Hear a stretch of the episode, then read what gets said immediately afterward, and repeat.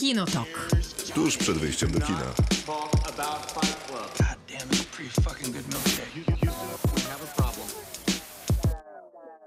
Dzień dobry, dobry wieczór. Jak się mieliście tydzień temu, kiedy mnie nie było? Tęskniliśmy. Tak, Dobry wieczór. Tak, pewnie. Tak. Oczywiście, że tak nie było. Wspominaliśmy ciebie. Ja wiem, mieliśmy ja wiem. mieliśmy dobre, dobre zastępstwo. W sensie pos- postaci Kasi. Tak, Tak. jest. Bardzo, tak. bardzo mocny tutaj był skład. No i tak to jest, jak I Kasi... Jason był z nami też, Tak który jest, robił to, za to ciebie był bardzo mocny skład. I to w pięciu odsłonach Jason. I w dwóch aktorskich. Dokładnie tak. Co, fajnie było? Bardzo. Dzisiaj też będzie fajnie. To jest A prawda. jak my się nazywamy w ogóle, przypomnijmy. No, Ja już przypomniałem, nazywamy się Kinotok i zapraszam do Nie subskrypcji. przypomniałeś, jak się nazywamy osobiście. Czy ja was teraz przedstawiam? Nie, sam się przedstaw. O to Maćkowi chodzi chyba. Ja pomagam tutaj. Aha. Będę do, do Dobrze, to ja Krzysztof Majewski.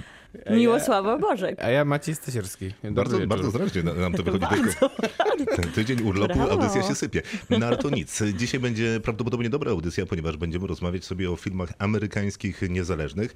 Najpierw pewnie porozmawiamy, co to w ogóle znaczy. Znaczy parę rzeczy na pewno. Będziemy doprecyzowywać, będziemy czytać wasze propozycje najlepszych takich filmów.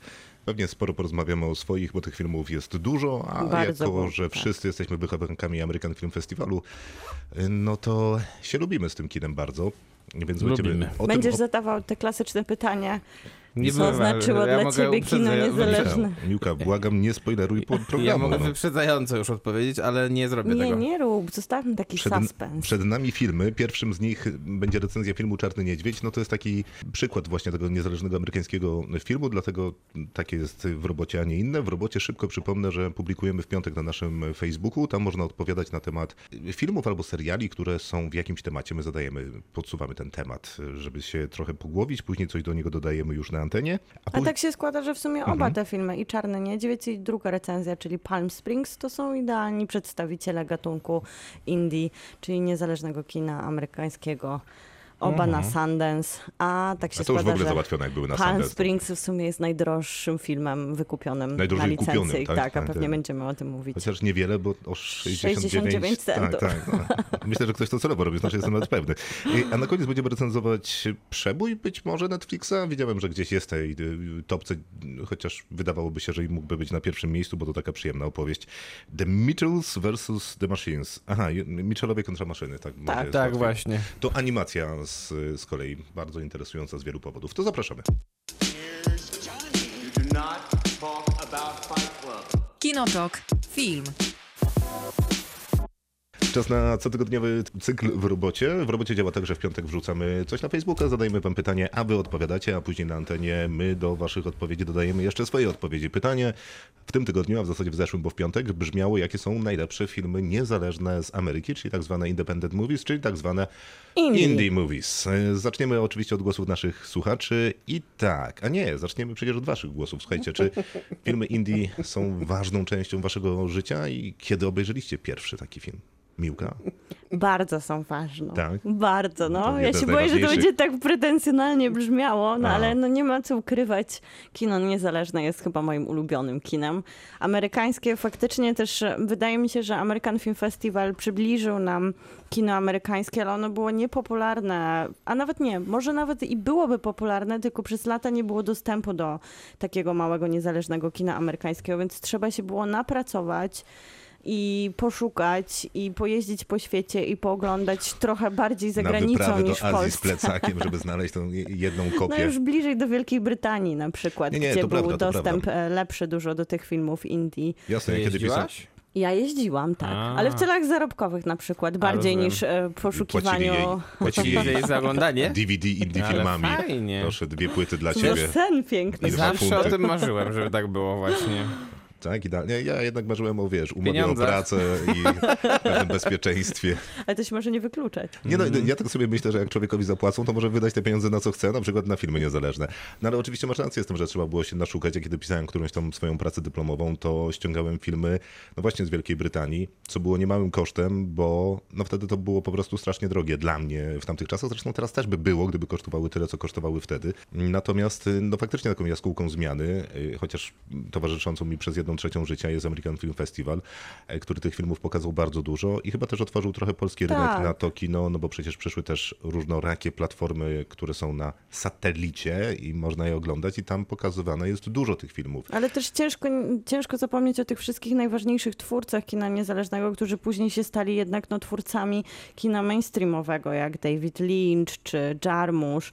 To są tacy Quentin Tarantino. Quentin Tarantino, kinofilscy twórcy, więc e, trochę budowali takie nastoletnią miłość do kina, a wszyscy zaczynali od kina niezależnego, małego, często przez siebie samych finansowanego. No tak, y, przecież y, George Lucas też, y, nie pamiętam z kim on za, zakładał to słynne studio Zootropia właśnie po to, żeby robić tam rzeczy poza systemem. THX chyba pierwsze film. to film, to Mhm. film. No ale to była właśnie jakaś e, No współpraca tak, to była ta zootropia pierwsza, właśnie. no. Pierwsze co robili. No więc dużo tego było. No przecież Quentin Tarantino z Rodriguezem zakładali Troublemaker Studio.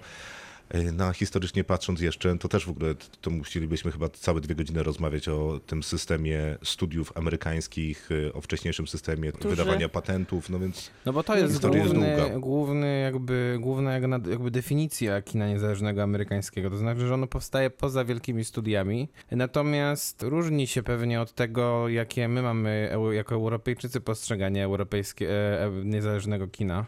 Bo europejskie niezależne kino to zwykle musi być jednak też kino bardzo trudne, formalnie bardzo takie wątpliwe często. No wiesz, I potem wygrywać festiwal w Berlinie albo jakiś inny, jakiś inny trudny festiwal, nie wiem, w Rotterdamie. I nie, nikt tego nie rozumie, tego kina, bo, bo, bo jest aż takie trudne. Amerykanie jednak podchodzą do kina w taki sposób, że nawet jak mają mniej, mniejsze pieniądze, to jednak zwykle celują przynajmniej w jakieś takie mainstreamowe tematy, w jakieś takie zrozumiałe, rozumia, zrozumiałą rozmowę z widzem. jakby dodajmy, że te ich małe pieniądze to są maksymalne pieniądze, które wydaje się w Polsce na film. No, powiedzmy, Oj że- nie. Mamy no, słuchaj. przykłady na przykład, Nie no, w jak Polsce powiedzmy najdroższy film kosztował coś tam około 40 milionów złotych, może trochę więcej. No więc 10-milionowy budżet dla niezależnego filmu ze Stanów Zjednoczonych to nie jest jakaś specjalna, wiesz, niewiarygodna rewelacja. W sensie to nie jest jakiś najtańszy pewnie, ale no powiedzmy, że jakbyśmy uśrednili, to gdzieś tam wypadniemy w okolicach 10-15 milionów. No więc to porównanie jest trudne, a to o czym mówiłeś jeszcze Maciej, czyli o tych europejskich filmach, które no, są takie jak mówisz, to z kolei tam jest taki problem z tą niezależnością, nie? No bo które polskie filmy są niezależne, jak 95% Wszystkie z są nich finansowane przez No, państwo dokładnie. przez praktycznie. Polski Instytut Sztuki Filmowej, więc polskim kinem niezależnym w Polsce jest Patryk Wega. No w pewnym sensie. No nie, no dokładnie w No tym tak, sensie, tak, nie? tak, to prawda. No ale to też nie jest takie proste, żeby indie filmy to były wszystkie te filmy, które się same finansują, bo to też nie jest tak.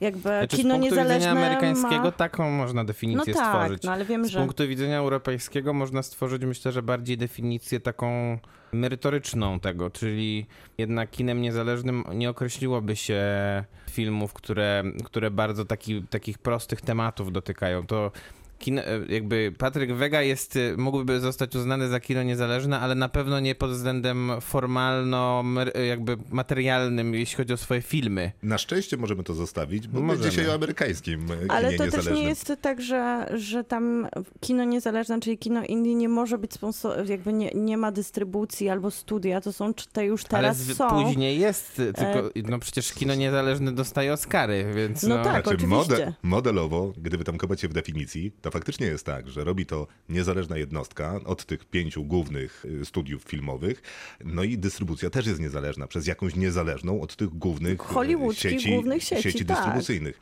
Natomiast nie zawsze tak jest, czasami faktycznie jest tak jak mówisz, że dystrybuuje to jakaś tam duża firma. bo już zostaje to przejęte jakby tak, no bo ma ten. na przykład potencjał biznesowy, więc No tak myślę, też że. Miramax był takim elementem, który zmieniło dużo dla Znaczy kina to- niezależnego i w ogóle obserwując te zmiany po latach 90., 2000, to patrząc na zyski i wprowadzanie tytułów do kin, to te wielkie studia, te właśnie hollywoodzkie studia, one teraz średnio produkują po 15 tytułów rocznie, bo wydają duże pieniądze na ogromne tytuły, a wszystko to, co się dzieje teraz z perspektywy kina niezależnego sprzed lat, nie wiem, 2000, 90., końcówki lat 90., no to teraz to jest wręcz to, co trzyma repertuarę w Stanach To Zjednoczonych. jest w ogóle ciekawe, nie? No bo gdzieś tam właśnie w latach y, 90., 2000 na tym przełomie y, te duże studia filmowe powołały takie podstudia, Tak, które dokładnie. zajmowały się produkcją no, tego filmów pod zmieniający się gust widzów, że Mhm. jakby tych szukających czegoś więcej, tych, którzy być może, nie wiem, trafili trochę na europejskie kino, gdzieś na studiach zobaczyli jakieś tam produkcje, które ktoś nam przywiózł.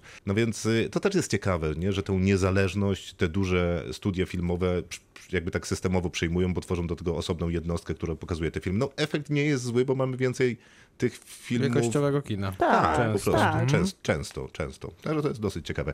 Y, Na szybko, bo głosów y, mało być może wynika to właśnie z tej Trudnej definicji. z trudnej definicji, dokładnie. Izabela pisze, że Florida Project, y, piękne zdjęcia, interesująca narracja i autentyczność, to inne spojrzenie na Amerykę. Y, Jedna nominacja do Oscara dla tego filmu to było za mało. W tym roku czekam na Kodę i Mas. No i ta definicja tutaj jest wyczerpana. Florida Project bez wątpienia niezależne kino i zresztą oczywiście prześwietne.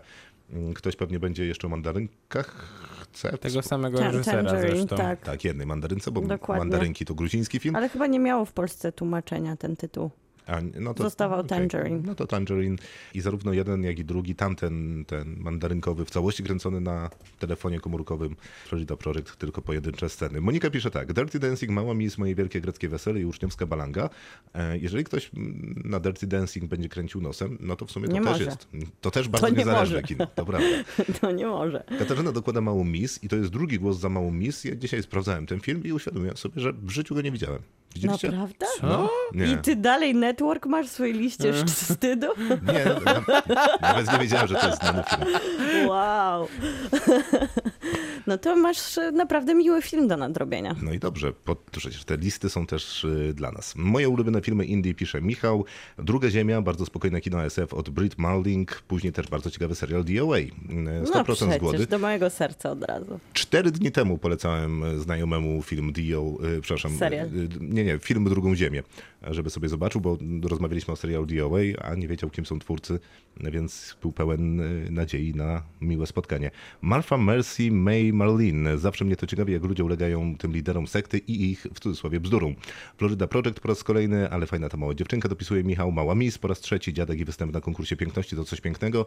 Może jednak widziałem ten film? Najlepsze, najgorsze wakacje. Ach, mieć takie wakacje i tajemnice Silver Lake. Zakręcony film i na koniec pierwsze produkcje od y, A24, między innymi American Honey, Lock i Lobster, bo teraz już wyrastają na duże studio.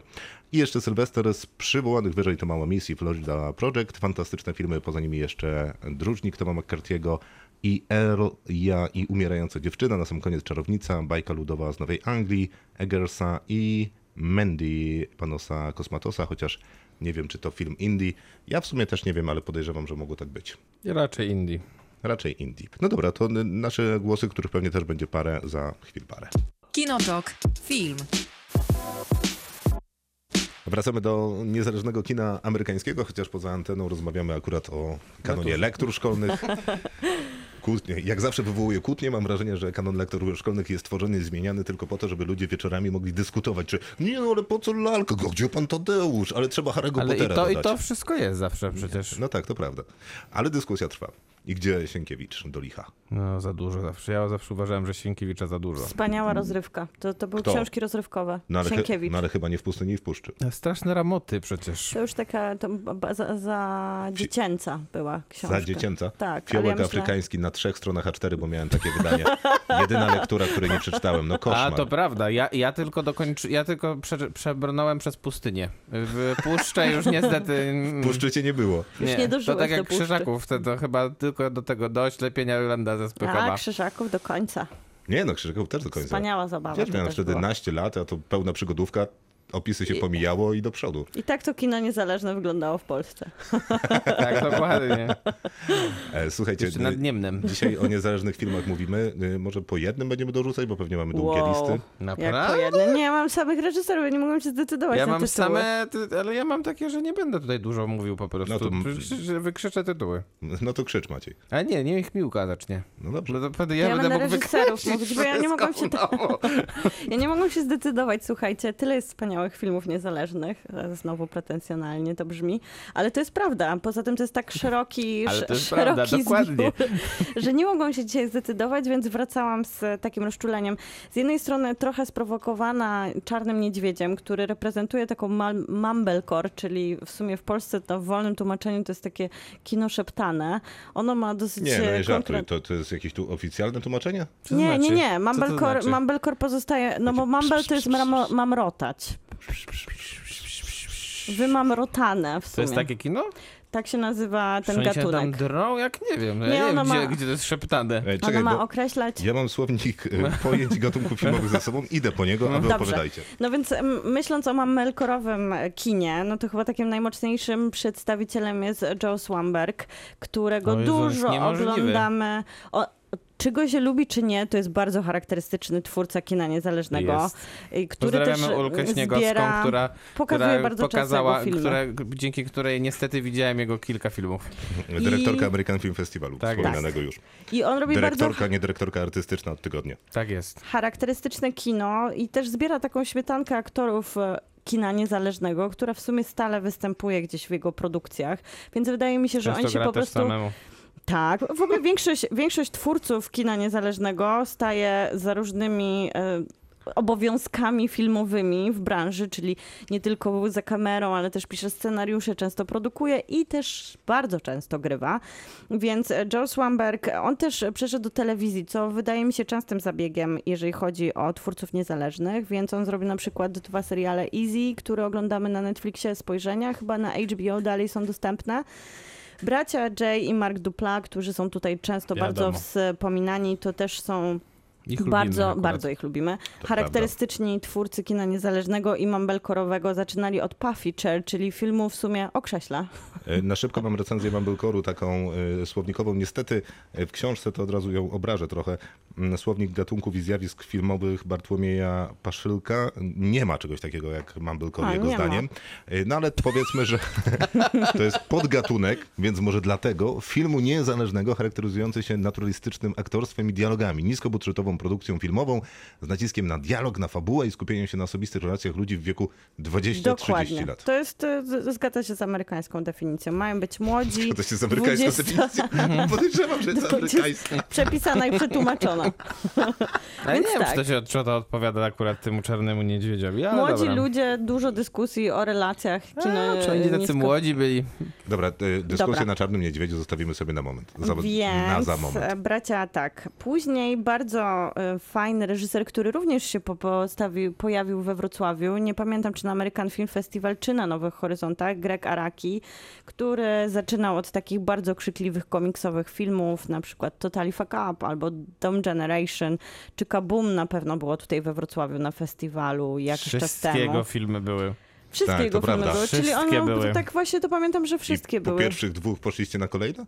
Ja obejrzałem chyba jakiś jeden z najnowszych. e, Ale Zły Dotyk to jest świetny film, który trochę Oj, się... taki e, trudny film. Trudniejszy i trochę on wybiega spoza tego jego zestawienia no takich e, Musiał, mocnych spe- musiał, musiał spędzić w Europie ze trzy lata co najmniej, żeby zrobić taki film. Andrew Bujalski, który w sumie jest odpowiedzialny za termin mumblecore podobno w legendach e, prosto z Sundance, więc tu się Sprawdźmy. wszystko zgadza. Chyba w, we Wrocławiu na American Film. Festival był jego film Computer Chess e, lata temu, kilka lat temu. A, to było bardzo przyjemne. Tak, to jest bardzo płodny twórca. Bracia Safdie w sumie też się zaliczają do kina niezależnego, zwłaszcza te ich początki, czyli To słynni Mm. twórcy... O, zapomniałem tytułu. Nieoszlifowane diamenty, Dziękuję. ale jeszcze wcześniej Good Time, ale tak naprawdę to kino niezależne to Heaven Knows What i wszystkie, jego wcześniej, wszystkie ich wcześniejsze filmy. I uwaga, Heaven Knows What jest do zobaczenia w Polsce na Apple TV, więc em, to jest taka, taka nowość, bo ten film nie był dostępny, więc jak ktoś lubi te filmy najnowsze, to może sobie wrócić do właśnie takich ich bardzo niszowych początków. No i Sean, Sean, Sean Baker, o którym tutaj wspominaliśmy i jego Mandarynki czy Scarlet, Four Letter Words, to wszystko właśnie robione super niezależnie, bardzo niskim kosztem.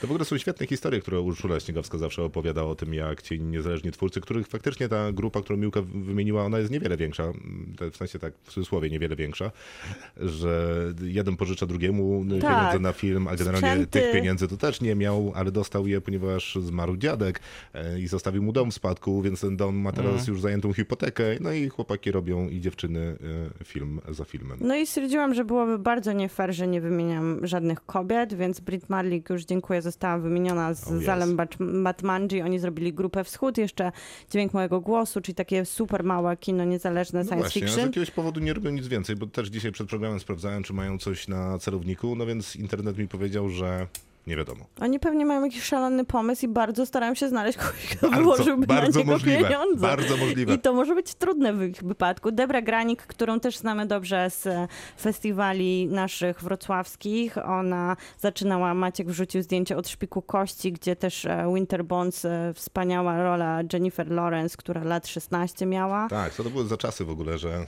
Jennifer Lawrence w takich filmach się oglądała. Niedawno to chyba za trzy ślady widzieliśmy z dwa lata temu, nie? Tak, i za, za, Co widzieliśmy? Leave No Trace.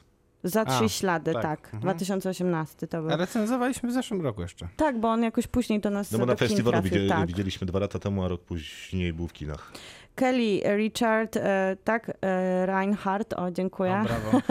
A komu podziękować? Skał, Bo, Tobie? Maciek, bo spojrzałam od razu na ciebie i przypomniałam sobie, jak mnie, jak mnie poprawiasz i dzięki temu. Więc to jest już taka najbardziej chyba indie twórczyni, jaka może być, która opowiada jak, jak w ogóle bardzo ciekawie jest z nią poczytać wywiad, jak ona opowiada, jak starała się zdobyć pieniądze. a Ona jest jeszcze tym ciekawym przykładem tego, że kobietom jeszcze trudniej było znaleźć te pieniądze w To kinie jest- niezależnym. To jest taka ogólna opowieść o amerykańskich twórcach filmowych, że oni głównie szukają pieniędzy. Tak To jest. prawda.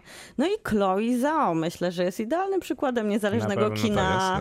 Mm, A no teraz idealna na czasie, bo zdobyła Bo robi- Oscara za najlepszy i robi robi Eternals. Eternals. No ale to jest, to jest właśnie chyba ciekawa, ciekawa perspektywa spojrzeć na, Jest, jest. na A reżyserkę, która zdjęcia, jakie- zaczynała. Widzieliście ten zwiastun i te zdjęcia wygląda dokładnie jak Nomadland, tylko w ten, tylko w scenerii marvelowskiej. Nie, tego No, teasera to nie będzie- widziałem, ale widziałem te zdjęcia i to nie, no nie, no przestań, to wygląda najgorzej. Wygląda jakby byli w spandeksie. Co Nie, ty no. gadasz? Nie, naprawdę. Nie, no proszę W sensie, Ale ty sposób, widziałeś te stare sposób kręcenia, Stare, no. A te stare sposób zdjęcia- kręcenia wygląda jak z Nomadland, naprawdę. To naprawdę, i co, i, i ci przedwieczni będą, co, W tak, bardzo dużych, bardzo dużych plenerach i Bardzo w szerokich, autentyczni. w szerokich kątach. każdy będzie miał swoją planetę. Bardzo Tak, dokładnie. autentyczni będą. No to super. I jedyny film, jaki wybrałam, to jest... blisko człowieka, blisko Eterdala.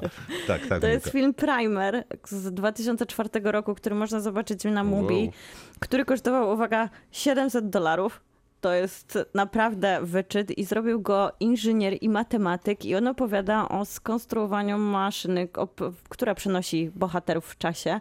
I to jest film, który jest bardzo skoncentrowany na technikaliach, no bo inżynier matematyk napisał scenariusz i wyreżyserował ten film. Ten film podbił Sundance. e, W 2004 to był wielki szał na to, że tak właśnie wygląda, wiecie, to był Tak na wielkim tak wygląda festiwalu tak wygląda, no trochę tak, powrót do prawdziwego kina niezależnego, że da się zrobić hit festiwalu, który kosztował no po prostu, już chyba taniej się filmu nie da zrealizować. Za 700 niż dolarów? 700 dolarów. Debiutanci w Polsce narzekają, że co to jest ten milion złotych na, Mm, na debiut? na czy, krótki czy, metraż. Czy dwa. tak, na krótki metraż też. No E, Nigdy nie widziałem tego filmu, który ma tytuł Wynalazek, tak? Dokładnie. Primer. E, ale wierzę, że kiedyś mi się uda. Pewnie nigdzie się nie da go w Polsce zobaczyć. Być Da może... się, na Mubi. Jest Aha, Aha, na Mubi, oficjalnie tak? w Polsce na A, Mubi. dobrze, dobrze. Da się go zobaczyć, więc no, jest to naprawdę udany film za 700 dolarów. To jest film wybitny. Maciej, mamy tak jak wiesz, ze trzy minuty na nas dwóch, No. więc musisz szybko.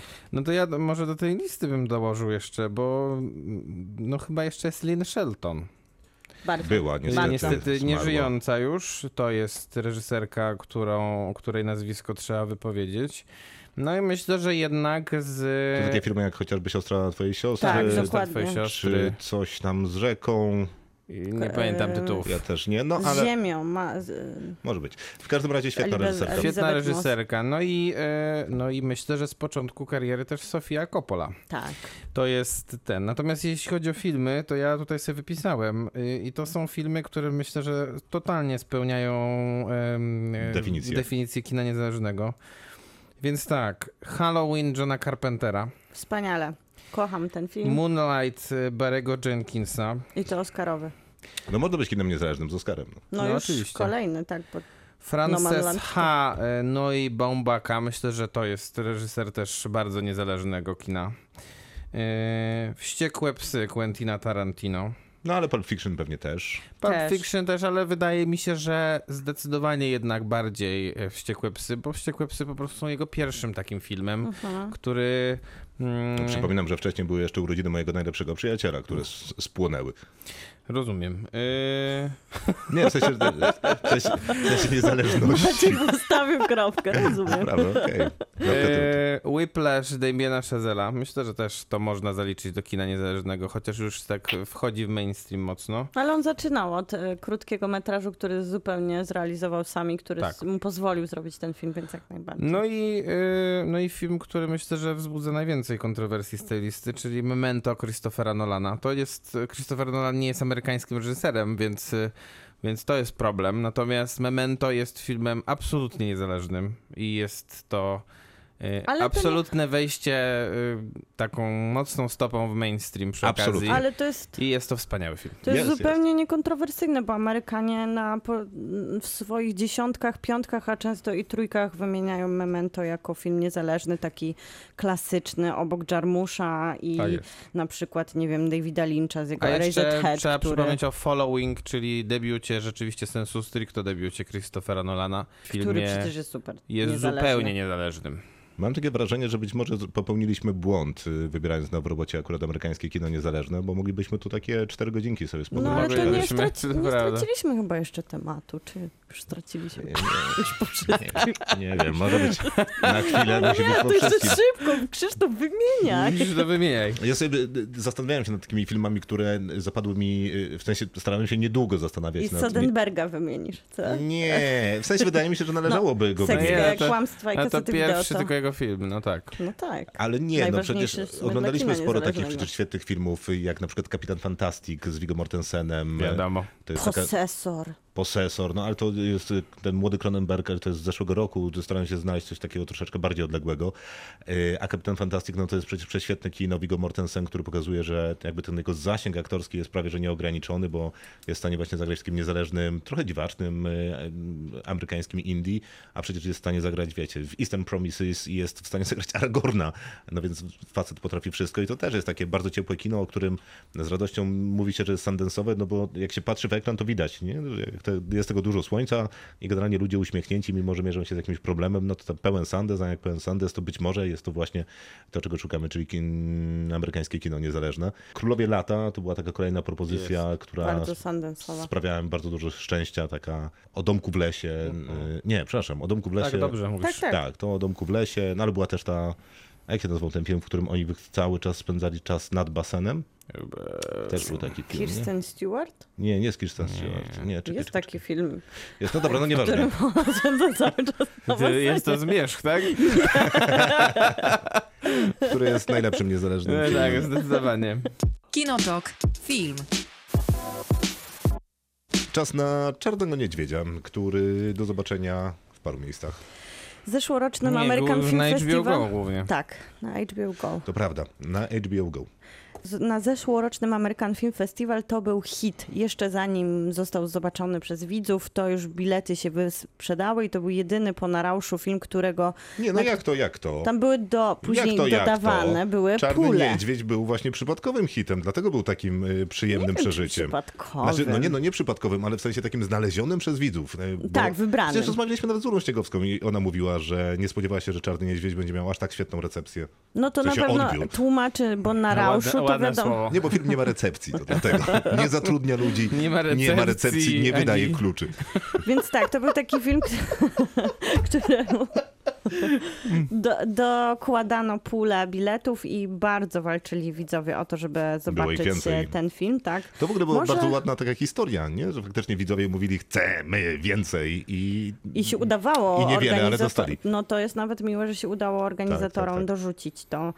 No i jest to idealny mumbelkorowy przykład O, kina, Jezus. piszą o tym Amerykanie. Ten- Ale ten ciekawe odcinek jest się nazywa chyba... Wróćmy do tej, do tej recepcji. Ale ciekawe jest też e, to, że Lawrence Michael Levine i jego żona Sofia Takal to jest ich wspólna dwunasta współpraca, czyli to jest właśnie chyba coś, co idealnie definiuje kino niezależne amerykańskie, czyli ludzi, którzy często albo ze swoimi partnerami, albo z bliskimi przyjaciółmi współpracują przy wielu projektach, cały czas w jednych takich branżowych ekipach i oni się właśnie wymieniają pomiędzy pisaniem scenariuszy, produkcją, reżyserią, czy jak to często bywa, już wcześniej o tym wspominaliśmy, Lawrence Michael Levin również grywa bardzo często, chyba nawet częściej niż reżyseruje, bo tych filmów ma chyba pięć, jeżeli chodzi o reżyserię, a tytułów, których zagrał z 20, więc no to są takie ekipy branżowe, które no, współpracują ze sobą od lat i trochę o tym mówi film, bo on opowiada o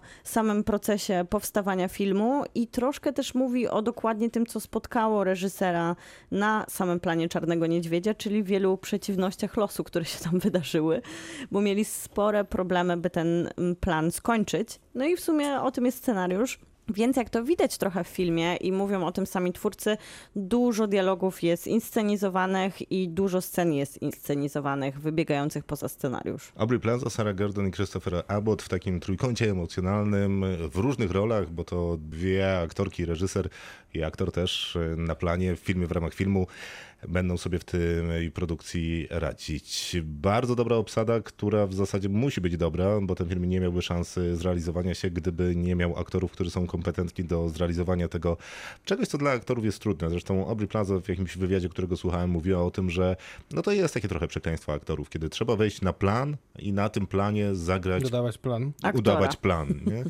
Ale to też mi się bardzo podoba, w jaki sposób Lewin radzi sobie z tą rzeczywistością filmowo-filmową, bo tę rzeczywistość filmu kręconego, który oglądamy w filmie, no przejaskrawia tak do granic możliwości. W sensie, że no nikt już tak nie kręci, żeby łapać ujęcie jeziora z pomostem idealnie symetrycznie po środku, wszystko w szarościach, a na środku tego pomostu siedzi dziewczyna w czerwonym nie kostiumie wiadomo, może jakiś młody, niezależny Ja podejrzewam, że reżyser. Zack Snyder kręci to jeszcze na poważnie, ale, Nie, w stop motion. ale dosyć łatwo, y, dosyć dobrze dzieli tę rzeczywistość Levine, nie? Że z jednej strony, kiedy mamy ten film, który on tam rzekomo kręci w tym filmie, no to on jest taki uber filmowy, nadfilmowy, a kiedy pokazuje to, co dzieje się poza y, planem zdjęciowym, czyli pokazuje plan zdjęciowy, no to tam jest taki radosny, radosny chaos, rozgardzież pełen ludzi biegających, więc to całkiem nieźle układa tą rzeczywistość filmów. Jakby wiesz, kiedy jesteś w filmie w ramach filmu, a wiesz, kiedy jesteś w filmie. I to mi się bardzo podobało. Jednocześnie to, że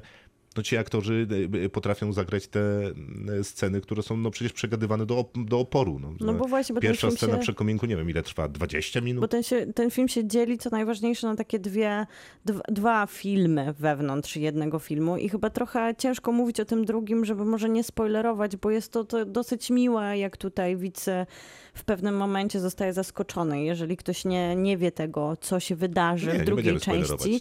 No ale ta pierwsza część jest taka bardzo kameralna i bardzo teatralna wręcz.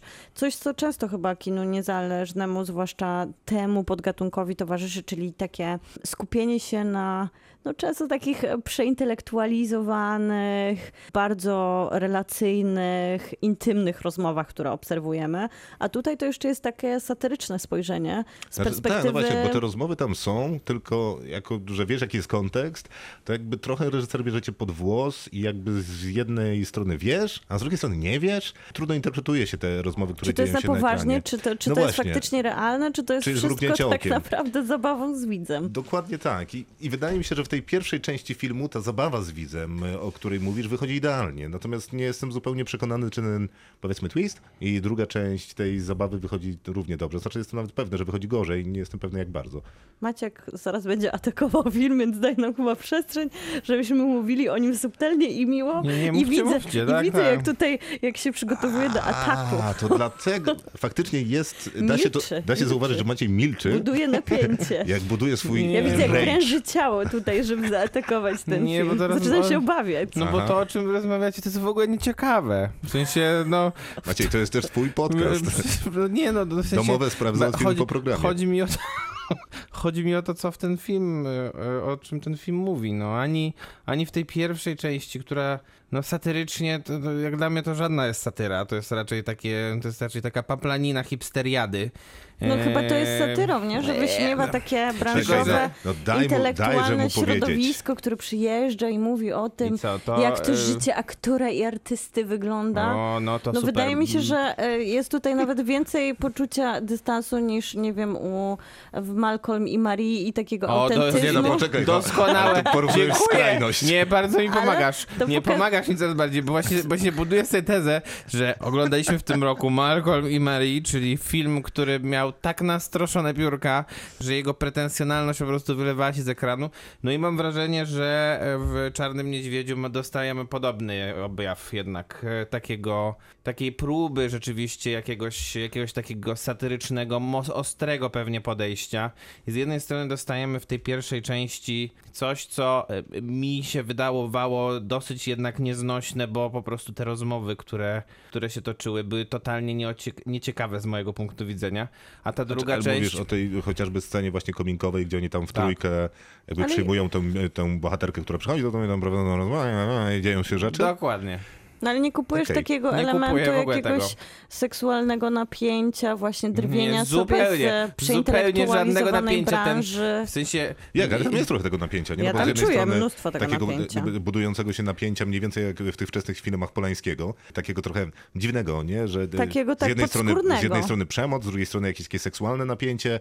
No, na mnie to świetnie działało. Ja też miałam bardzo Mm. takie drga, drgające wrażenie, że to jest e, zabawa takimi filmami, nawet jeszcze z lat 70., gdzie No tak, ta no, seksualność była taka nie do końca jasna, czy to jest coś sexy, czy coś nie w porządku się zaraz Tak, czy, ta, wydarzy. czy tam będzie y, y, ten miły seks, czy przemoc tak, seksualna? dokładnie. No dobrze, to, jakby tą pierwszą część da się jeszcze w ten sposób wytłumaczyć, ale ta druga część to jest po prostu histeria, histeria, histeria i nic ciekawego.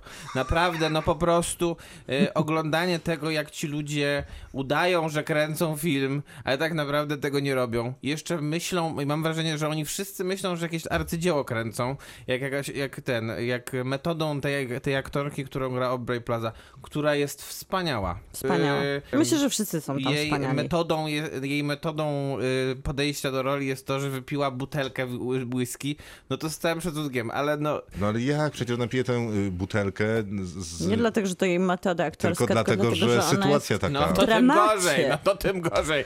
To, też, to tym gorzej świadczy o tej bohaterce i tym lepiej świadczy o aktorce, że potrafiła w jakikolwiek sposób ją uprawdopodobnić. Ja tutaj biorę tą dekonstrukcję takiego powstawania filmu na poziomie właśnie prześmiania tego w taki prosty sposób, bo jednak tutaj te narzędzia pozostają właśnie takie niezależne. Mamy małą ekipę. Ta ekipa, która pewnie jest tam na tym filmie, to jest ekipa, która tam pojechała ten film stworzyć. No ale I niezależność oni sama w wszyscy... sobie nie jest walorem, jest tylko cechą charakterystyczną filmu, którą, którą po prostu on reprezentuje. I no, oni właśnie ją walor. wyśmiewają w tym sensie, że pokazują, że z takiej Pokazując hermetycznej, histerię? hermetycznej grupy ta histeria jest takim podbiciem trochę tempa, takim wydaje mi się, że ten chaos, no tak, który tylko, panuje nie ma na potem planie. zatrzymania. Jest cały czas ta histeria, jest podbudowywana ta histeria. Jedną bohaterką, drugą sceną, trzecim wybuchem emocjonalnym. No, e, b- brakowało tam tylko jeszcze rzeczywiście jakichś strasznych metafor i generalnie to za to można Nie, no ewentualnie czekaj, po, no bo- pogratulować temu filmowi, że, że przynajmniej, że przynajmniej nie ma w nim jakichś, nie wiem, wizji, które mogłyby jeszcze się pojawić, no bo to już byłaby masakra. To, zwłaszcza takiej tonącej, na przykład Aubrey Plaza, bo tam to się dzieje nad jeziorem. Dokładnie. Ale nie było tych scen, a z kolei ta his histeria, któ- której no z reguły też jestem przeciwnikiem w filmie, no bo nie ma nic gorszego niż zakrzyczeć e, historię. Wydaje mi się całkiem uprawomocniona, bo jednak ona wynika trochę z improwizowania tej sceny, którą improwizują w tym filmie w ramach filmu. I ta improwizacja to jest część tego wrzasku i rwestu, który ci przeszkadza. Na drugie jest to, że jakby budowało się dużo emocji wśród tych ludzi na planie, no, który ma jakiś A tam... dlaczego? Wiadomo, nie, to nie wiadomo No właśnie tych, ale wiadomo? nie, no mówiliśmy o tym z No bo- Krzysztofem wcześniej, od tych napięć, Nie no. które się budowały najpierw w tej, Nie, no w tej wiadomo, no bo, warstwie. no bo sam re- reżyser wyśmiewa przecież stanowisko takiego, wiesz, reżysera z wizją, który jeździ nad jezioro i tam ma, wiesz, ten master plan, żeby stworzyć najlepszy film wszechświata. Tak, i uwodzi wszystkich, wszy- a siebie najbardziej Tak, a, w tym po, a, a wszystkim. poza tym jest takim graczem wśród ludzi. Nie, nie wiem, to na mnie działało. I ta a eskalacja pierwszy, wydaje mi się nawet naturalna, tak jak Krzysztof mówi, że po przebywaniu z taką osobowością... W sensie, że w scenariuszu ma to sens. Tak. Ja mam wątpliwości, czy faktycznie to dobrze działa na ekranie, bo mnie trochę męczy w ten niekoniecznie dobry sposób i wydaje mi się być może troszkę bezcelowe przez to, że no jakby wrzeszczą, wrzeszczą, wrzeszczą, no i co? Zacytuję Jakby ja mam jakieś samego siebie, wnioski. podpisuję się pod tym. Nie, nie, no mam takie wnioski, że no okej, powrzeszczeli, powrzeszczeli, powrzeszczeli, no i jakby może to być tylko i wyłącznie krytyka takiego planu filmowego, jaki sobie tam serwują. Bo tam jest albo za mało, bo tam więcej było w tej jednak pierwszej części, kiedy oni No tam, tam między tak, sobą tam, tam takie jest tam rzeczy, to było warstwa, ciekawsze. warstwa scenariusza na pewno. No, a tutaj trochę nawrzeszczeli, nawrzeszczeli, tak jakby nie wiadomo. A ta pierwsza część, tak a propos tego Polańskiego, to mi się kojarzyło z filmem, który nazywa się, i teraz trochę przesadzę, i jeżeli ktoś będzie mnie za to ganił później, Czekamy. to Mhm. Śmierdzi dziewczyna Sigourney Weaver. Tam miały, to napięcie oczywiście było lepiej podbudowane, ale jako to jest film sprzed 25 lat, to być może działało na mnie tak samo jak tutaj.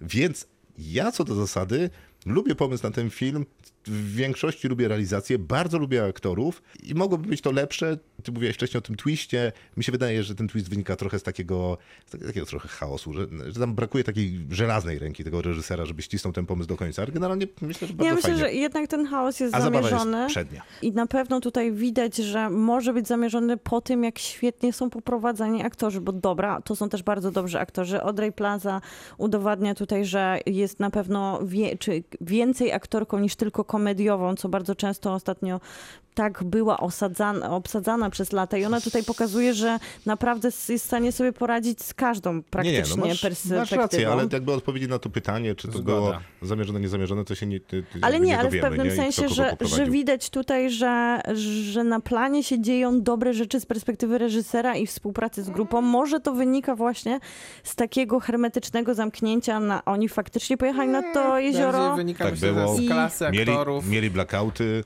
Tylko, że mamy tutaj no, mieli aktorkę, tą kanadyjską aktorkę, która em, poza Christopher Abbott jest jeszcze tutaj w tej roli właśnie reżysera i gra tą dziewczynę, jak się nazywa e, ta aktorka, słuchaj. Sarah Gadon. Sarah Gadon i Bardzo ona w dobra. sumie grała tylko w serialach, dosyć e, często obsadzana na takich dużych, dużych e, tyłach, czyli na takich naprawdę... widziałem gdzieś ostatnio, no nie wiem, ale bardzo dobrze sobie radzi No i właśnie wydaje mi się, że ona jeszcze nie miała wcześniej przestrzeni, żeby zagrać i No i tutaj świetnie. dostają... A teraz to będziemy nie, oceniać. To nie znaczy, że ją dobrze Maciej, ty- poprowadził. Ty będziesz Maciej oceniał, bo najbardziej nie lubisz tego filmu. Tak, dam mu pięć gwiazdek e, ze względu na O, głównie za gwiazdki? aktorstwo. Ja mu dam 7, bo się dobrze bawiłem, Miłka. Ja mu dam 8, bo się świetnie bawiłam. Poza tym wydaje mi się, że takie kino sobie świetnie radzi na małym ekranie w trakcie pandemii i takich filmów jest nam więcej potrzebnych. To prawda, ale chętnie i tak bym go obejrzał na dużym. Ja bym niechętnie. Kropka. Kinotok. Film. No i co prawda chyba wszyscy już, którzy mieli obejrzeć ten film, mogli go obejrzeć. Nazywa się Palm Springs i radośnie otwieraliśmy nim kina, a później jeszcze te kina zdążyliśmy zamknąć, ale wszystko wskazuje na to, że 29 maja kina otworzą się ponownie, więc czekamy na to. Zobaczymy, co będzie nowym Palm Springs, biorąc pod uwagę repertuar 29 maja Na zapowiadany. No to wydaje się, że na Rauszu ma szansę być takim filmem. No ku, nie wiem. Ku mojemu ubolewaniu i Miłki zresztą też. Max Barbakow z Palm Springs zaprasza na spotkanie z Andym Sandbergiem, Sandbergiem i Christine Mi... Milotti. Milotti. I. J.K. Simmons, po to chyba A, też tego J.K. taka... Simonsa tam, ale, Ale jest. wystarczy go ale chyba na jest. tyle, żeby go zapamiętać. Jest smakowity. Jest Smakowity. smakowity, to prawda. Andy, Andy Ciara napisał scenariusz, to chyba też jest e, istotny tutaj duet, bo to współpraca jest taka mocna pomiędzy Barbakowem a Ciarą. I właśnie to legendarne 69 centów i Narodziny Narodów w 2016 17,5 miliona za film. To jest wykup od Sundance dla Dokładnie. platformy sieciowej. I w tym wypadku to było małe studio Neon i ogromna studio Disney, w tym wypadku pod przykrywką Hulu, bo oni mają swoich e, dużo różnych A takich... Neon, skoro wspominasz, to w ogóle też jest świetnym przedstawicielem amerykańskiego niezależnego No kina. Wszystko, co od nich wychodzi, to sama znakomitość. I to Neon wykupił, żeby Palm Springs pokazywać e, w kinach amerykańskich, a Hulu pokazuje na streamingu. I wydaje mi się, że to jest w ogóle taki film, który aż ciekawe, że czekał na kina w tym momencie, kiedy była taki, t- taki problematyczna sytuacja w Polsce, bo on się bardzo dobrze sprawdza na streamingu. Tak, to prawda, tylko że jeżeli akurat mieli ten film pod ręką na otwarcie kin, no to, To też był- dobrze To otworzyli. też najlepiej, to to, dobrze prawda. otwo- o- otworzyli. I No. tutaj powiedzmy taka sobie szczerze, ten ekipa- facet się nazywa Andy, Andy Siara. Moim zdaniem Siara jak nic.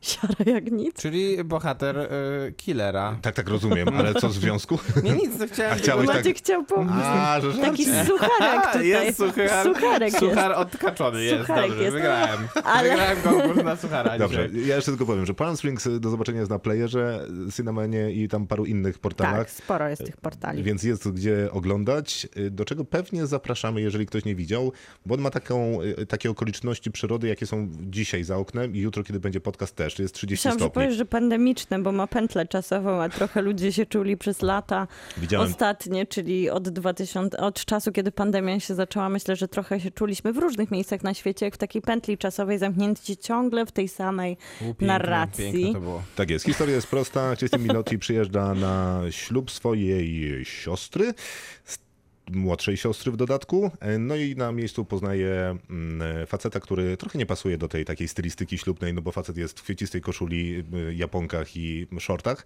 I ewidentnie nie jest jakoś zainteresowany. Nie, nawet jest tym. kompletnie znudzony okolicznościami tego wesela. No i szybko dowiadujemy się, że to jest pętla czasowa, on w tej pętli czasowej jest już od dawna, ona też do tej pętli czasowej trafia, czyli pętla czasowa Przez działa niego. tak, że... Tak, przez niego, ale no chociaż przez siebie, zależy. Zależy kogo z nich spytasz. No tak. I pętla czasowa działa tak, że powtarza się cały czas ten dzień, dopóki... Dzień świstaka. W zasadzie chwilę dłużej, no bo można na przykład nie zasnąć przez trzy doby, no to tam jest od zaśnięcia. Jak Tak. zasypiam, to wracam na początek tego dnia, w którym dzieje się to omawiane wesele. No i brzmi to dosyć niebezpiecznie jak na scenariusz. Brzmi to tak niebezpiecznie z perspektywy, że dobrze już znamy Mhm. ten dzień świstaka. Komedia romantyczna w tym elemencie pętli czasowej to też nie brzmi najlepiej. Ja teraz mam ważne pytanie do Macieja e, Stasierskiego. Macieju, Jestem. jak idzie ci twoje wyzwanie Supernatural i czy doszedłeś już, W ogóle czy, to do, nie jest idzie. czy doszedłeś jest już... przykład komedii w- i pętli czasowej? Tak, e, w Supernatural jest W ogóle mi świetny, nie idzie. naprawdę świetny odcinek z pętlą czasową. W ogóle mi nie idzie. Naprawdę? No to będziesz, kochany, miał świetne wakacje. Będę... Więc, Życzymy powodzenia. więc wydaje się, że to jest temat wyświechtany i jak Supernatural sobie z nim poradziło świetnie, to po pierwsze dlatego, że ma dobrze. 40 minut do zrobienia tego, Mhm. więc niewiele i tam się można pobawić. Poza tym Supernatural nie boi się czerpania z popkultury garściami, Bo więc tak. może sobie zrobić z tą pętlą czasową wszystko i zerżnąć ze wszystkich. I trochę w sumie wydaje mi się, że podobnie Siara, tak? Siara będziemy mówić? Siara, tak zdecydowanie siara. Andy Siara podobnie chyba wymyślił, że można tak naprawdę przekuć to wszystko, co w kinie widzieliśmy, ale jak się doda do tego trochę takiej czarnego humoru i właśnie lekkości w bawieniu się konwencją i wydaje mi się, że genialnym zabiegiem jest to, że zmieści się to w 90 minutach, a nie na przykład Na pewno 120, Znaczy nie, ten których był, jednak element się wyczerpuje. ten film byłby nie do przyjęcia, gdyby trwał Był 120 dokładnie minut. tak. Więc zabieg wspaniały, żeby to upchać w 90 minutach. No i zaprosić Andy Samberga, którego Amerykanie kochają z SNL-a, czyli Saturday Night Live, czyli takiego no, na pewno komediowo radzącego sobie aktora świetnie. Ale już nie mamy. Ale Mieliśmy. Polacy też go teraz kochają ze względu na Brooklyn Nine-Nine. Dokładnie, w myślę, sumie że, Myślę, że też jest znany dzięki temu, bo raczej e, Polacy nie oglądają za dużo SNL-a amerykańskiego, bo nie ma gdzie go oglądać Mhm. poza jakimiś tam fragmentami, które są legalnie puszczane na YouTubie. Na pewno Andy Samberg ma najszerszy uśmiech y, spośród wszystkich aktorów. To prawda. W zasadzie wygląda tak, jak miał sobie koniuszek czaszki odciąć, jak się uśmiechnie za Myślę, szeroko. że jednak główna zaleta, główna jakby e, powód sukcesu tego filmu, bo według mnie on jest sporym sukcesem jednak, to jest ten casting, który jest naprawdę dobry. W sensie Andy Samberg i Christine Milioti super współpracują Duet na ekranie. cudowny. Naprawdę super współpracują na ekranie i e, to, co, powie- i co jest jest super. ważne, to jest komedia romantyczna, w której udało się zmieścić w końcu coś komediowego. W sensie komedia romantyczna niestety nie jest do końca znana z tego, że jest zwykle śmieszna, a tutaj z jednej strony jakby czujemy, że, ta, że ci bohaterowie zaczynają coś, coś do siebie czuć, a z drugiej strony się śmiejemy z tego, co się dzieje na ekranie, bo po prostu to, co jest napisane, jest I- dobre. I Tak. jeszcze najważniejsze chyba w tym wszystkim jest to, że zwykle komedie romantyczne mają jakiś taki dziwny dydaktyzm w sobie zawarty, który nas przyucza, jak miłośnie żyć. I zwykle to jest jednak taki żenująca nauka o miłości, albo zbyt Paulo Coelho, albo stara się być zbyt zabawna, albo zbyt cukierkowa. I wydaje mi się, że Palm Springs udało się uniknąć tej pułapki takiego z jednej strony wykła- wykładania, tak, takiego wymuszania, wymuszania na tego, żebyśmy poczuli tą miłość, uwierzyli w tą miłość i zrozumieli, że wszyscy ludzie tak naprawdę w życiu to Szukają potrzebują miłości. Tak, tak, drugiego wiadomo. człowieka. O, tak. Czy ten film tak daleko y, pada od tej jabłoni komedii romantycznej, to nie jestem pewny, bo wydaje mi się, że akurat ta opowieść o tej ich bliskości, związku i puencie filmu, no to, to jest mechaniczne y, bardzo. No, nie- byś chciał w komedii romantycznej braku miłości i zakochania, Nie, w no to sensie- się chyba nie da. Nie, nie, do, do wiadomo, że się nie da, tylko że być może od tego filmu bym chciał trochę więcej, żeby ta historia zakochania była taka może troszkę, no nie wiem, taka bardziej jak ten Dzień Świstaka. No ale wtedy by była za bardzo cheesy. Cheesy? A dzięki temu właśnie jemu się udało uniknąć tego cheesy, a, a nawet przemycić trochę brutalności, e, chamstwa, poczucia humoru i takiego chyba bardziej autentycznego elementu zakochiwania się w drugiej osobie. Myślę, że tak. No, mo, no może. Ja, ja, tego, tro- ja obawiam się, że tego nie biorę, bo o ile ten Dzień Świstaka, który tutaj jest pokazany, to wydaje mi się, że wszystko to, co zrobił Dzień Świstaka, a jest tu dużo elementów, z których nawet bezpośrednio się nabijają, że jest tak jak w Dniu Świstaka, ale oni tego nie robią. E, No bo ona przecież nawet w pewnym momencie mówi, że jakby będę dobrym człowiekiem, to uda mi się wyrwać z tej pętli czasowej i wraca do niego następnego dnia rano i mówi, że "Hm, nie udało się. Co jest całkiem miłym mrugnięciem do Dnia Świstaka. To wydaje mi się, że te wszystkie takie dni, co można robić w świecie, który, w którym dzień się powtarza, no to Dzień Świstaka radził sobie z tym lepiej. Natomiast Palm Springs jest dobrym, odświeżonym dniem Świstaka, takim uaktualnionym do 2021, tylko zupełnie mi tam niepotrzebna jest ta, zupełnie niepotrzebny mi jest ten wątek romantyczny. Tam w Dniu Świstaka No ale on tam jednak... był na mrugnięciu okiem, a tutaj no jest taki... Nie, on klei dla mnie nie wszystko. wiem, on jednak pcha e, Tak. tą, szczególnie tą bohaterkę do tego, co ona w końcu chce zrobić. To znaczy chce zamknąć tą pętlę. I gdyby, gdyby nie miała jakiegoś takiego celu przed sobą, no to pewnie by nie chciała tego w ogóle robić. Mog, mogliby się bawić przez cały czas i nic do, do, do niczego by nie prowadziło. Ja rozumiem, ale jak wyrzucasz... Paulo Coelho, jak- druga osoba cię zmienia. No właśnie, nie? ale, ale tu Nie? jest całkiem Ale nieźle jest- przemycone. Ale to jest zabawne przynajmniej. Śmiejesz No jest, się, nie, no trochę jest. się wzruszasz, Oczywiście. kibicujesz tym bohaterom. Tak, ale ty dlatego chcesz, mówię- Oni... Bohaterowie są bardzo dobrze napisani. Bardzo. Dlatego mówiłem, że to jest taka mechaniczna komedia romantyczna. No nie ma w niej nic nadzwyczajnego. No. I słuchaj, z komediami W romantycznymi sensie ten, jest ten tak, element z komedii romantycznej jest bardzo mechaniczny, albo przy czym ten Dzień Świstaka jest taki, no nie, nie może odkrywczy, ale świeży bardzo. ale jak tak sobie myślę o filmach Odkrywczy romantycznych, Nie, no, ale świeży tak. romantycznych, to zawsze sobie myślę, czy chciałabym do nich wracać, bo to jest jedyne, co w życiu jest przyjemne, to wracać do filmów romantycznych. I to jest film, który ja będę bardzo często oglądać, jako taki właśnie... To jest film, do którego nigdy nie wrócę, za tydzień nie będę o nim pamiętał. Ja będę bardzo, chcę, bardzo już nawet się nie mogę doczekać, jak go obejrzę jeszcze raz. No to możesz nawet dzisiaj po programie. A nie, bo to tak nie działa. To jednak Aha. trzeba sobie dać trochę przerwy, żeby się stęsknić. Ale z, zabawa jest dobra. Y, J.K. Simmons y, jest go za mało i to jest być może duża wada filmu, bo ma Właśnie bardzo nie, fajną bo dzięki postać. temu jest taki śmieszny i chara- charakterny. Cieszę się, że tak jest waszym zdaniem. To teraz będziemy oceniać. Dobra, ja siedem. Siedem a dałeś mistrzowi level, boss level, który był o pętli czasowej, który, można powiedzieć, że jednak troszkę mniej odświeżał gatunek No na jakimkolwiek poziomie, Jak? a A egzystencjalne zrobił? myśli za nim nie szły żadne. Zrobił wszystko jak trzeba. No to nie wiem, co Palm Springs zrobiło, żeby zasłużyć sobie na 7 na Ty 10. masz jakieś udziały w tym filmie? Ale co, co, za co te minus 3? Nie, Jak no, mamy boss level i Palm Springs. Spra- No, no bo dostałem, dostałem szóst, 60 dzień świstaka, który jest świeży, ale nie odkrywczy i mechaniczną komedię romantyczną. Zasługuje na 7. 9 na 10 ja daję. Jakby prowokuje ten boss level, żeby jakże... Ile ja tam dam? Pamiętacie, ile dam boss level? Czy Dziewięć. Krzysztof nas zmusił do tego? Zmusiłem To do była dziewiątek. presja bardzo To była duża. presja. Czemu ty nie zmieniłeś na 8 teraz? Pod No, naszą presją z Maćkiem, No, że to zmieniłem jest na, śmieszne, zmieniłem, romantyczne. zmieniłem na 7. No dobrze, to 9 na 10 jest ode mnie. Brawo. I w, w ogóle chciałam tylko powiedzieć, jeszcze tak szybciutko, nie mogę? Możesz. Że Christine Milotti, tak dobrze? Christine Milotti jest em, teraz aktorką nowego serialu HBO Max, który się pojawi w Polsce, gdzie też gra rolę komediową i wydaje mi się, że to jest nowa komediowa aktorka, która jest super. O, bardzo możliwe i chętnie będę oglądał. Kinotok. Film. Czas na ostatnie filmy dzisiejszego wieczoru i to w dodatku animacje. Tych animacji w ogóle robiliśmy w ostatnich tygodniach całkiem Przeraża sporo. mnie to. Co cię przeraża? Animacji robiły. Nie no, nie będzie tak strasznie, Miłka, nie pękaj. Mitchellowie kontra maszyny nazywa się produkcja Netflixa, którą możemy na Netflixie zobaczyć. Może ja zacznę od cytatu. Proszę. Mam nadzieję, że film Michelowie kontra maszyny obejrzysz ty, twój kot i cała twoja rodzina. Czemu tak mój mówił kot, a nie- Reżyser. A nie pies, bochenek, chleba To jest lub cytat z świnia. reżysera.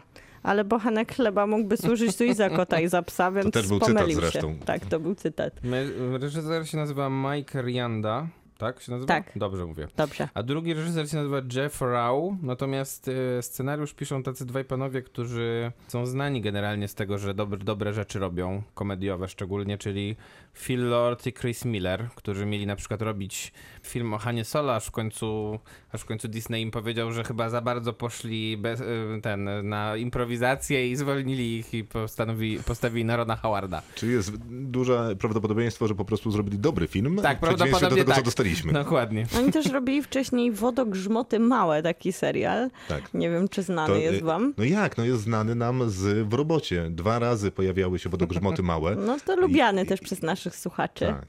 I osobiście reżyser dubbinguje Arona, czyli najmłodszego tutaj bohatera całej rodziny. To jest właśnie... Dlatego, ten, mm, dlatego to dziecko ma taki niski tak, głos. dlatego ona ma głos starszego mężczyzny, bo jest to sam To- to- Michael To Rianda. błyskawicznie, żebyśmy wiedzieli, jacy to są mężczyźni i jakie dzieci. Y, Historia jest taka, że mamy rodzinę taką z przedmieść amerykańskich, która aspiruje, powiedzmy, chociażby do swoich sąsiadów, którzy są tacy idealni, uprawiają jogę i w Tak. ogóle Mają bardzo fantastyczni. burzliwego Instagrama. Tak, e, rodzina 2 plus 2.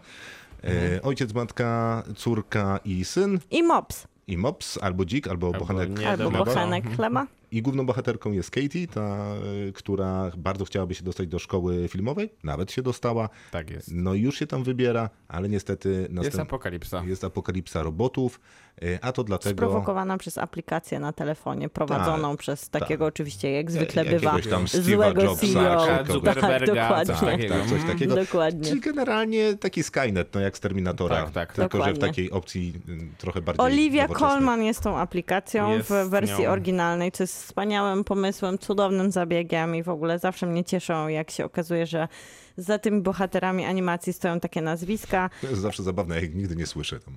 Tak, to ja tam słyszysz? słyszałam Oliwię Colman, Colman bardzo. nie, Olivia Colman akurat y, y, rozpoznałem, bo jednak ma ten charakterystyczny taki Bardzo. brytyjski też akcent i głos. A.B. reszta było- Jacobson, którą ja bardzo lubię taki serial, który już jest dosyć stary, nazywa się Broad City i dosyć zabawny, właśnie komediowy, to jest e, główna bohaterka, czyli ta nasza dziewczyna, która buduje całą akcję. No i właśnie to, że dziecko najmłodsze tutaj, ten chłopiec, ma taki dorosły głos, to jest potrzeba dubbingowa samego reżysera Tak. bajki. I Świetny jest ten młody chłopak zresztą, e, bo Ten on głos jest... nawet też jest świetny. Tak, on jest super fanem e, dinozaurów, y, ale tak popchniętym do absurdu, że na przykład otwiera książkę telefoniczną. To też jest ciekawe, nie wiem, bo w Polsce już chyba nie wychodzą książki telefoniczne.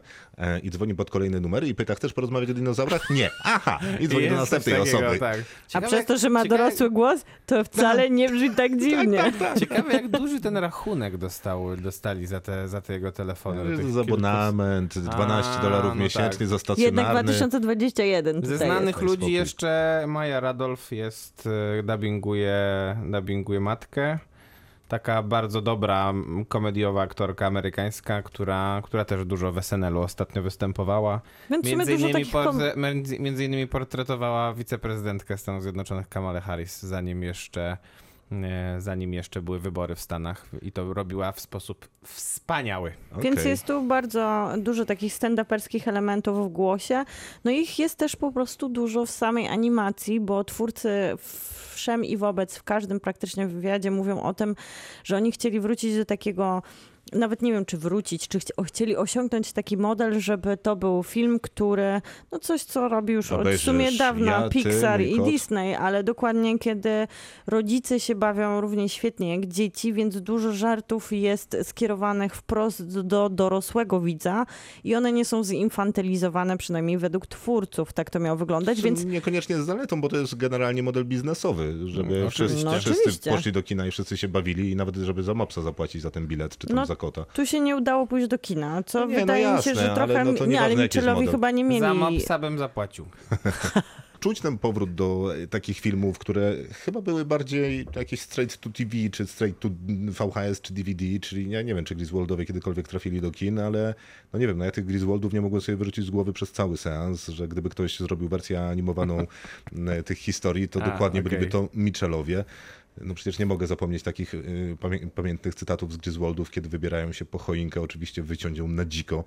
Ojciec Griswold mówi, kochanie, mówi do swojej córki, widzisz jaka piękna choinka będzie stać w naszym domu? No, mówi, że nie widzę, bo zamarzły mi oczy.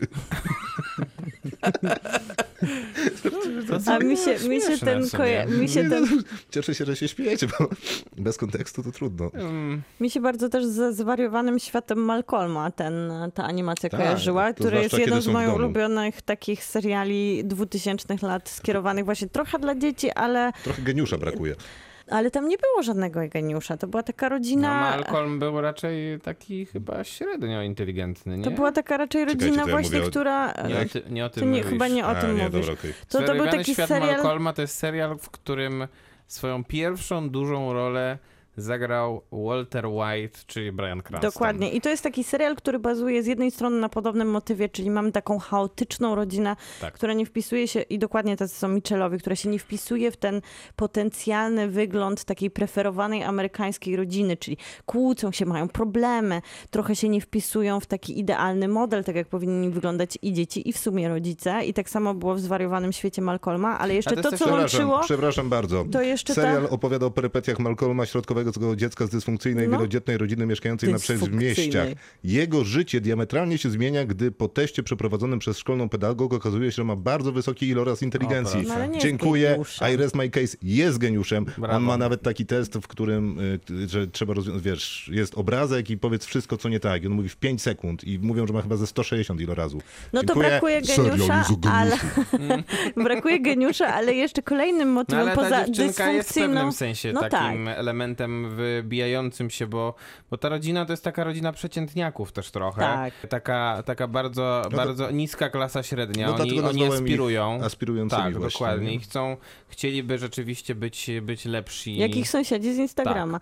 Ale jeszcze kolejnym motywem, Znaczy, to który zależy, łączy z tym chciał, no, bo tam są serialem... różne emocje, nie? Bo nie wydaje mi się, No że ojciec, ten... by, ojciec by na przykład chciał zostać po prostu takim, jakie jest ich życie, nie? I żeby, No, żeby, miło. ta, żeby ta córka też znalazła sobie normalną pracę, a nie żeby była filmowczynią.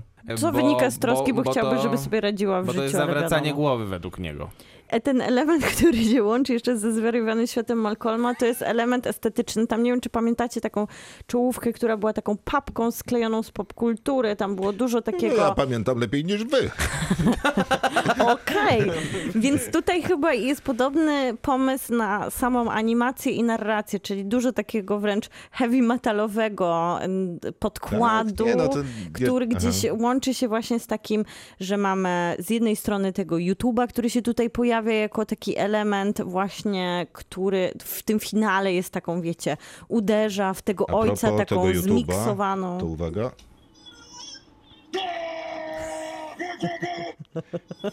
To jest małpa. Doskonały Nieźle. To jest małpa Nieźle. użyta wielokrotnie w tym filmie, właśnie a propos tego Tak, YouTube'a, o tak. którym Miłka mówi. I to jest y, bardzo fajny zabieg, y, bo jeżeli chodzi o graficzność tego y, filmu, to on robi takie rzeczy, że w tych telefonach pojawiają się faktyczne jakieś YouTube'owe cenki, więc Tak, zastanawiałem się, czy tam krzycząca małpa, która często się pojawia w filmie, Jest realna. czy jest realna. I jest. Więc ten piękny dźwięk pojawił się 7 lat temu w internecie. To jest małpa. To nie, to nie Bardzo- I to bardzo jest- I to jest super zabieg, żeby tak popkulturę sobie wkleić, a też pobawić Nie, się no tak to jest animacją, że z jednej strony oglądamy animację, a na nią jest nałożona druga animacja, która sugeruje animację na animacji, czyli pojawiają się dymki, kolorowanki, jest jest zabawa ciekawe, takim elementem to łączenia różnych Ze cztery, kresek. ze cztery lata temu pojawiło się w którymś tam wideo jakiegoś znanego rapera, że on jak tam tańczył tym swoim wideo i uderzał pięścią gdzieś w powietrze, to właśnie pojawiały się takie dorysowywane no, Gwiazdki na gwiazdki. przykład. E, I oni rozciągnęli tę ideę tutaj do granic możliwości i tego Tak. jest tu całe mnóstwo. Jest to trochę takie komiksowe, jakby kręcące się gwiazdki, Mhm. jak ktoś dostanie w głowę.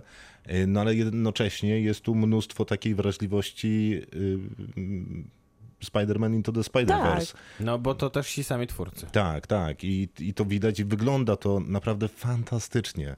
I trochę sobie tam oszczędzają, zwłaszcza w tych początkowych fazach filmu, no ale już cały A finał potem już nie oszczędzają to jest nikogo. przepiękne. No.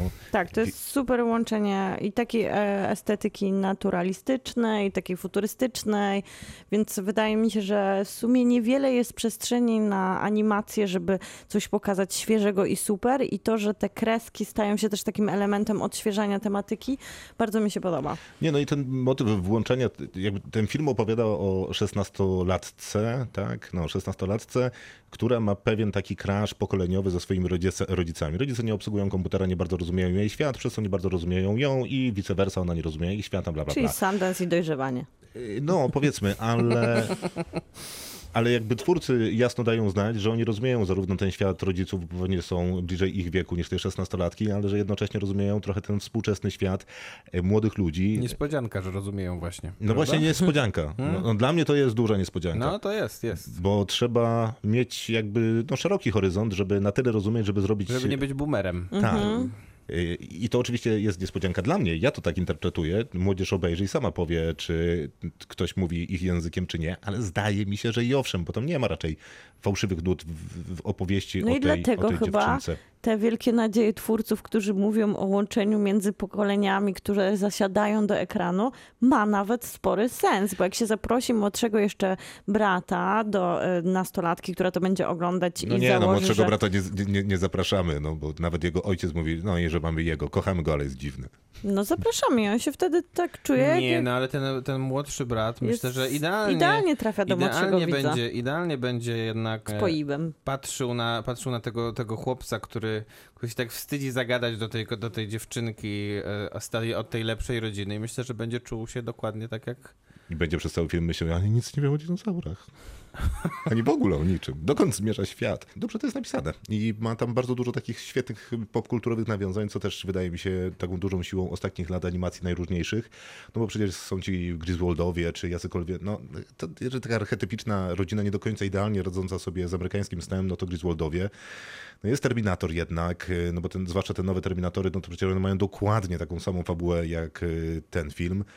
Jest tam sporo takich y, klasycznych y, animacji, natomiast... nazywał ten film z, z Willem Smithem, to co te roboty... E, e, e, ja robot, Ja, Robot, tak? tak, no, Ja, to Robot. też jest... No jest ten Flerby, który trochę nawiązuje do, jak się nazywały z kolei te, te które jak się polało, te takie małe stworki, jak się polało je wodą, to... A, ym, Gremliny. gr- No trochę tych gremlinów tam jest. No w ogóle to wydaje mi się, że jest. jest zmieszane i kino drogi, i katastrofa, i science fiction, i klasyczne kino o dojrzewaniu, i ro problematycznych rodzinach. Trochę wydaje mi się, że czasami można by było zostać dłużej o minutę na niektórych wątkach, bo tutaj jest Goni- goni bardzo tempo. szybkie tempo No. i ono mimo, że przeskakuje film tak. trwa dwie godziny jednak. I, tych. I ta akcja się zmienia bardzo dynamicznie, więc e, wydaje mi się, że to, to było trochę dla mnie takie problematyczne, że bardzo szybko tak, te konwencje się zmieniały i te nowe filmy i te nowe mrugnięcia, że nawet ja, która jestem kinem zainteresowana od dawna, czasami Trzeba jednak byłam wybita wyciągać. No właśnie, te, te, tej takiej no, przy, przywiązania i do sceny, i do bohaterów, i do opowieści. No to ja miałem y, podobny problem, natomiast y, y, jakoś nie przeszkadzało mi tempo akcji, bo wydawało, wydawało mi się, że trzymało się nieźle, chociaż faktycznie działo się dużo, bo nie dość, że akcja się zmieniała, jakby wątki się zmieniały, to jeszcze to się wizualnie zmieniało. Y, Ale przez to tempo mam wrażenie, że nie do końca tak idealnie jakbym chciał, dowieziony jest ten motyw relacji tej córki z ojcem, bo on na papierze jest bardzo dobry, bo to faktycznie brzmi ciekawie, że mamy ten taki clash pokoleniowy, ona będzie mu udowadniać, że mój świat jest interesujący, jest w nim dla ciebie szansa, a on będzie robił to samo w drugą stronę, matka będzie takim e, spoiwem tych dwóch skłóconych stron, a tam motywami, moty, motywami humorystycznymi, czy też super humorystycznymi będzie mops, pies, coś tam kot e, i młodszy brat. E, Natomiast no, przez tę gonitwę akcji, takie przerwy na hej, Poś- teraz tak, będzie emocjonalnie, zostało to. No to trochę Na wypada. ołtarzu akcji została poświęcona ta relacja i trochę przypomnieliśmy, trochę. trochę przypomniałam sobie wtedy, że Pixar i Disney Robi jednak lepiej. robi to tak dobrze, bo No. on tę emocjonalną kwintesencję taką, wiecie, to jednak ten, co ja się śmieje, Paulo Coelho, ale który zawsze tam tak mocno wybrzmiewa o relacji, o miłości, o stracie, o zagubieniu, to tam zawsze jest. A No, ładunek tutaj, emocjonalny jest a potężny, tutaj nie? wydaje mi się, że po prostu wybuchami i ferbi wyskakującymi z mikrofalówek została przełamana ta, e, ta chwila taka dla spokoju gdzieś między Natomiast pokoleniowego. m, jakby, Maciek, czy ty czekasz, czy ty się gotujesz do ataku? Nie, nie, Nie, bo- razem. Bo ja, ja mam coś takiego z tymi filmami Pixara, że jakby protestuję przeciwko temu ładunkowi emocjonalnemu, nie chcę go, a i tak tam łezka wokół na końcu. I generalnie tutaj też miałem jakąś tam łezkę wokół na końcu, więc wydaje mi się, że ten film ostatecznie tę relację trochę poobijaną, tak jak ten ich samochód, ale to wozi. Zdecydowanie. Ja jestem fanem generalnie tego filmu. Myślę, że myślę, że to jest y, jakaś szansa na to, że y, Oscara za animację nie dostanie, nie dostanie w tym roku film Pixara. To tak samo jak było wtedy, kiedy. Aż zobaczymy nowy film Pixara i Kiedy- wtedy zmienimy A, zdanie. dobra, znowu to zrobili. Dammit. A ten film, który, te, który oni zapowiadają na ten rok, czyli ten film Luka, to nie, nie wygląda tak, tak właśnie, jakby, jakby miał jakiś taki wielki Oscarowy potencjał. facetach? Tak, tak A, mi to się nie. wydaje, że nie, więc, y, więc jeżeli to ma być ich główny projekt, no to może być kiepsko w tym Ale roku. oni robią dwa filmy na rok. Wiem, wiem, właśnie wiem. I ta luka ma tak, wiesz, Ale- zamaskować... Luka ale- to jest Onward. To No jest tak, takie... ale, ale, "A, ale z drugiej strony, no ten film rzeczywiście nawiązuje no, choćby, choćby maestrą wizualną do tego, co oglądaliśmy w Spider-Man Uniwersum. Więc myśl, a tamten Mhm. I się nie film, powtarza. a tamten film przecież jednak z Pixarami wygrał. Więc, więc, to, więc to pokazuje, że, że nawet jeżeli, jeżeli ma się taki mocny materiał, to można, to można z nimi powalczyć. Myślę, że to jest taki jednak zaskakujący też materiał, bo trochę film taki, który wszedł na tego Netflixa bez wielkiej promocji, bez, bez wielkiego, bez wielkiego jakiegoś na, nabudowania, tylko się nagle dowiedzieliśmy, że taki film jest i nagle się okazało, że ma prawie 100% pozytywnych recenzji mm, w Ameryce. E, No i się okazuje, że e, nie są to przypadkowe Bo ja recenzje. bym chciała jeszcze dodać coś, o czym zapomnieliśmy powiedzieć, że poza oczywiście tą warstwą emocjonalną i przygody, to tutaj jest jeszcze taka myśl trochę około technologiczna, ale co ciekawe, ona nie do końca, no bo można by powiedzieć, że to jest łatwo zaatakować, i to by było właśnie to dziadostwo, zaatakować nowe technologie i że tutaj pokazać, że nowe technologie to są złe i przez to one wyrywają dzieci z objęć rodziców, którzy chcieliby się o nich zatroszczyć, ale nie wiedzą, jak im to powiedzieć. No ale na szczęście twórcy tutaj nie popadają w taką demagogię i z jednej strony mówią, że jest problem, bo te nowe technologie zmieniają relacje, ale wcale nie są złe, bo doprowadzają do różnych wspólnych punktów Bo są w zbioru. stanie Nie, to- zainspirować. Więc jest to nawet super. ust, tak, tak, nawet ustami ojca jest to przecież powiedziane, że być może to wszystko jest złe, ale nie, musi, nie może być aż tak złe, skoro moja córka dzięki temu robi jakieś tam wspaniałe rzeczy. A później jak rozwala tym- swój laptop ze złości, bo nie mógł sobie poradzić z aktualizacją, jest Oj, bardzo szczere i oraz, wspaniałe. oraz jak wysyła jej Nie. zaproszenie do kanału pocztą e, z napisem dodaj mnie do znajomych, to też jest bardzo piękne. Jak ona to Sekundę, kwituje tym, że jeżeli- jest to chyba jakiś stalker. jak Myślała, że to jest lista jakiegoś creepy Bo nie wielbiciela. odebrała go przecież, dokładnie. Nie no, jeżeli jest tam jakaś taka naprawdę s- symboliczna scena, jeżeli chodzi o to, ten pojedynek rodzina kontra nowe technologie, no to jest ta z początku filmu, kiedy ojciec proponuje, żebyśmy przez 10 Za sekund chwilę odłożyli, tak. popatrzyli sobie w oczy. Tak, I te oczy po prostu prawie wybuchają i wychodzą z orbit. Tak. Więc to jest bardzo udane. No i też Proszę to, trzeba jak, przyznać... jak Państwo mają rodziny, to proszę to sp- sp- spróbować takiej metody. Ja wiem, że dostaniemy teraz jakieś informacje, że my mamy obiady bez telefonów i wszyscy dają radę, ale Ale, Ale nie czy wszyscy? Nie, nie, tam jednak ktoś pod stołem jednak trzyma ten telefon i sprawdza, chociaż ten wynik, nie wiem, jakiegoś meczu. Tak no i jest. słuchajcie, i też jest śmiesznie momentami. Ja Jest, się nawet jest, jest kilkakrotnie Jak jest śmieszny? Przecież jest przekomicznie. Ja się Jest śmiałem cały film. No, ja się cały dobra. film może nie śmiałam, ale się śmiałam dużo. Tak, tak. A, Ben- no i Olivia Colman jednak, jak zwykle Robi robotę. Co prawda słyszałem ją tylko w jednym zdaniu, zauważyłem, że to ona później zniknęła, ale może to jest kwestia Ale, dobrej ma, roboty. ale Wilen też jest porządny. Jak O rzadko, jest. jak rzadko. O jest, a już Bardzo. zwłaszcza jak trzeba go odłożyć na stół. Dla tych, którzy obejrzą, to proszę pamiętać o tym tak. momencie. Y, Bardzo dziękujemy, to wszystko będziemy oceniać. Yy, No ja daję 9 na 10. Ja też dam 9 na Ja 10. też dam 9 na 10. Wyjątkowa udana rzecz. Krzysztof Majewski. Miłosława Bożek. Maciej Stosierski. Uprzejmie zapraszamy na naszego Spotify'a. Tam można subskrybować ten kanał, który jest podcastem. Jak I ktoś tak zobaczy składa- tą bajkę, to może też zaprosić rodzinę, bo pewnie z nią będzie oglądał, do tego, żeby wszyscy inni też polubili nasz Tak kanał. jest. To prawda, a nasza rodzina jest już naprawdę duża. W ostatnim tygodniu, pewnie po wizycie Kasi, co z tym seksem, y, Pozdrawiamy. jest ich wyjątkowo dużo, więc proszę dołączyć do tego jeszcze elitarnego grona, zanim będziemy masowi. Dobranoc. Kinotok. Tuż przed wyjściem do kina.